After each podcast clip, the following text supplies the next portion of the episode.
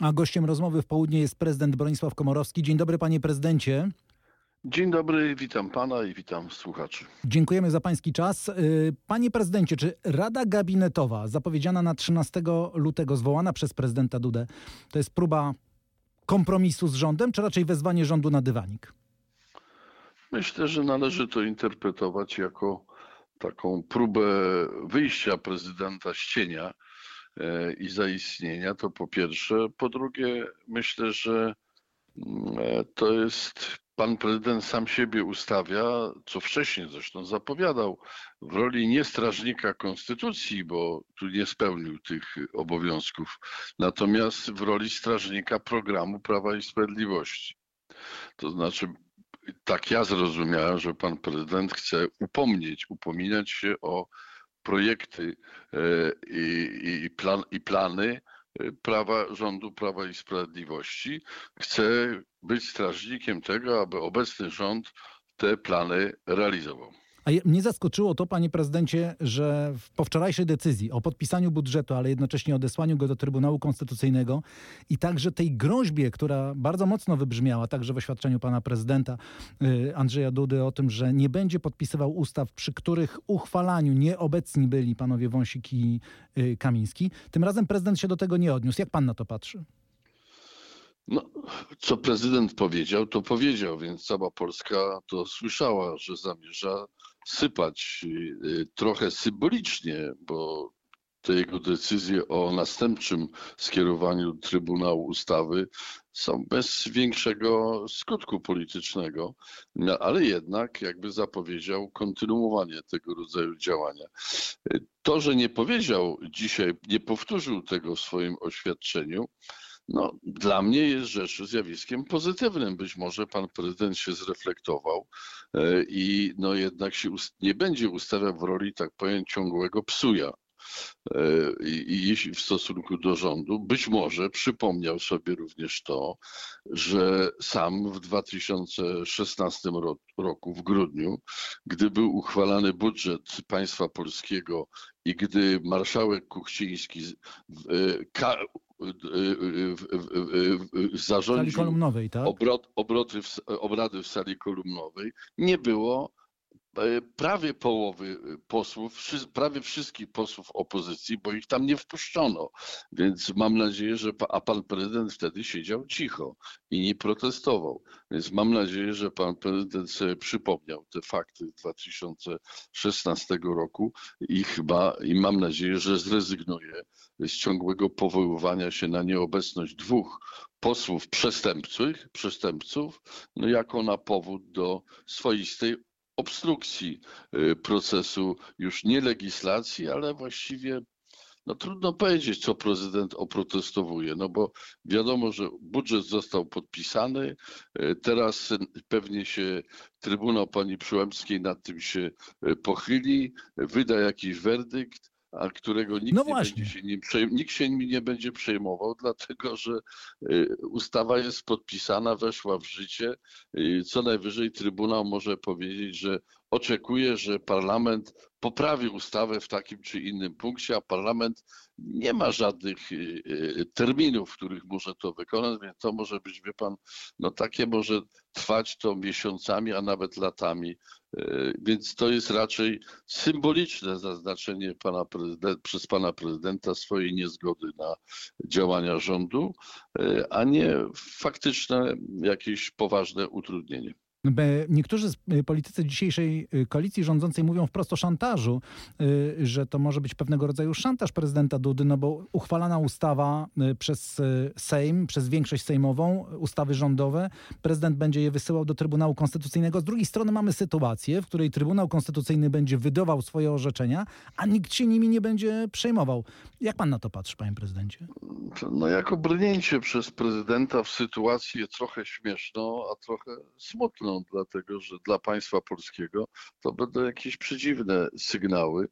Y, no nie tylko o konflikcie między rządem a prezydentem, ale pan prezydent musi to uwzględnić w moim przekonaniu także o nieskuteczności działań pana prezydenta, no bo jeżeli prezydent będzie wysyłał w trybie następczym ustawy przyjmowane przez parlament, no to będzie tak jak mówiłem. Trafi ustawa z podpisem prezydenta do Trybunału, Trybunał jakiś werdykt wyda, którego część w ogóle nie będzie uznawała, bo Trybunał jest nieuznawany za niezależny sąd, e, a, a reszta będzie czekała ewentualnie, może czekać miesiącami, a nawet latami na e, inny moment, w którym e, parlament jakoś będzie musiał odnieść się do werdyktu Trybunału, bez względu na to, czy ten Trybunał jest uznawany, czy nie, ale to może być i za dwa lata. To jest bardzo trudny moment koabitacji. Nie wiem, czy to jest jeszcze koabitacja, czy już otwarta wojna między Pałacem Prezydenckim a, a y, dzisiejszym rządem. Zastanawiam się, czy jest jakieś wyjście z tej sytuacji. Czy pańskim zdaniem potrzebny jest, konieczny jest rodzaj okrągłego politycznego y, stołu, czy trzeba po prostu poczekać do kadencji, do końca kadencji Andrzeja Dudy? No co miałby taki okrągły stół dać, czy kwadratowy? Ja nie bardzo, jeżeli nie ma pomysłu na, e, na wyjście ze swojego swoistego pata prawnego, no to można zwoływać, stół, można zwoływać posiedzenie okrągłego stołu, no ale wiadomo, że czym to się skończy, jakimiś pozorami. Tutaj wie pan, no ja jedyną nadzieję, jaką ja mam, to taką, że z jednej strony e, e, znajdzie sposób na wyjście z sytuacji trudnej w kwestiach e, dotyczących mediów publicznych rząd poprzez przedstawienie ustawy, która będzie gwarantowała w przyszłości, ale podkreślam słowo w przyszłości, no, taką nie tylko niezależność mediów publicznych, ale także ich pluralistyczny charakter. A dzisiaj, na dzisiaj zadaniem rządu jest zlikwidowanie e, tuby propagandowej e, Prawa i Sprawiedliwości, e, którą niestety przy akceptacji prezydenta zmieniono media publiczne. Drugą taką ustawą to, jest zapowiadane, to są zapowiadane ustawy przez pana ministra Bodnara.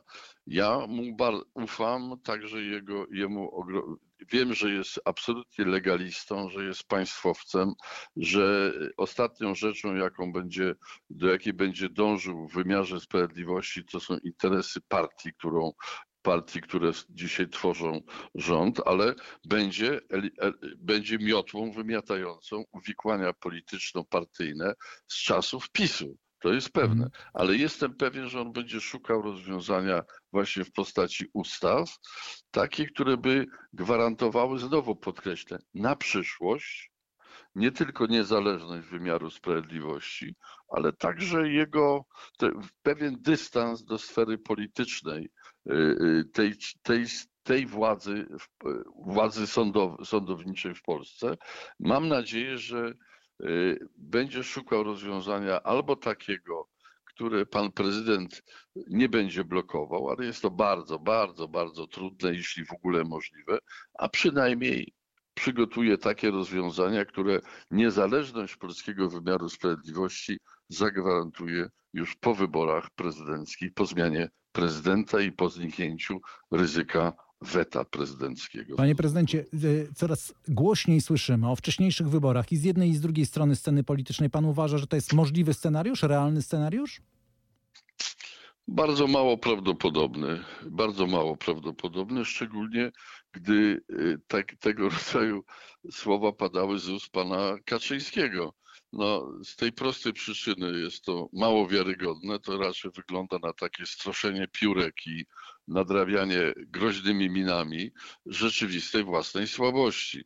No bo jeżeli się popatrzy w sondaże opinii publicznej, no to we wszystkich, w mniejszym albo większym stopniu y, y, y, leci poparcie dla PiSu w dół. Więc straszenie wcześniejszymi wyborami przez pana Kaczyńskiego jest trochę niepoważne. No bo co on chce przyspieszyć? To tak jakby karpie właśnie głosowały za przyspieszeniem terminu Bożego Narodzenia. No to jest przyspieszenie perspektywy własnej ponownej dotkliwej klęski. Natomiast jeśli mówi to e, premier rządu, rządu polskiego, który reprezentuje te partie, które z kolei w sondażach zyskują od, dłuż, od pewnego czasu i mają perspektywę zyskania jeszcze bardziej, jeśli chodzi o głosy wyborców, a to to już jest poważniejsze i to pan Kaczyński powinien rozważyć, czy jemu ja to traktuję wypowiedź premiera Tuska jako taką no, pogrożenie palcem Kaczyńskiemu, ale, e, ale to jest pogrożenie palcem, za którym stoi realna możliwość, aczkolwiek trudna do skonsumowania w polityce, no bo mhm. poddanie własnego rządu e, e, tak by było rozumiane przez liczącą się część wyborców, no trzeba bardzo poważnie umieć uzasadnić. Gdyby, i tu pan prezydent może być, jeżeli będzie blokował wszystko, może być znakomitą, jakby tak powiem, znakomitym argumentem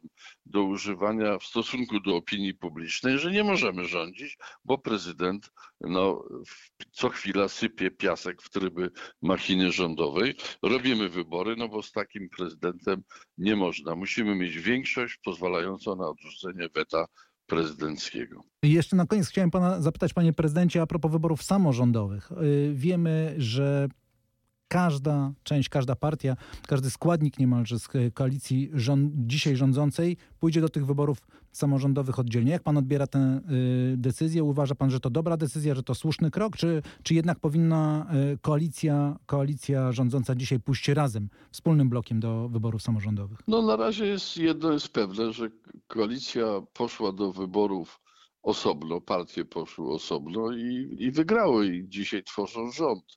E, ale też jest inne doświadczenie, którym warto przypominać, to znaczy doświadczenie z Rzeszowa, kiedy w wyborach tam się zjednoczyła cała opozycja antypisowska e, i wystawiła jednego kandydata i poparła.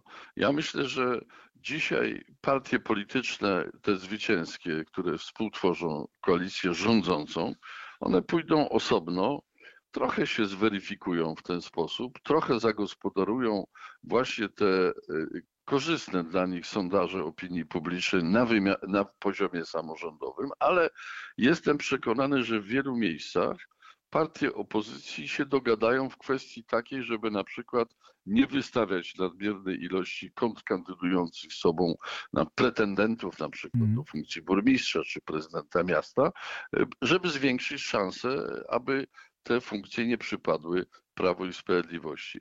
Słyszałem o sondażach opinii publicznej, które w zasadzie przewidują, że Prawo i Sprawiedliwość utrzymać na pewno tylko jeden, e, jeden sejmik będzie miał większość sejmików wojewódzkich.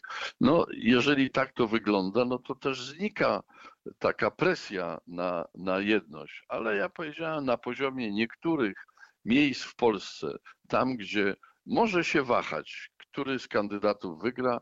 Namawiałbym opozycję do dogadywania się, ale na poziomie miasta, na poziomie ewentualnie e, e, województwa, czy tam, gdzie, się, gdzie wyniki mogą być niepewne.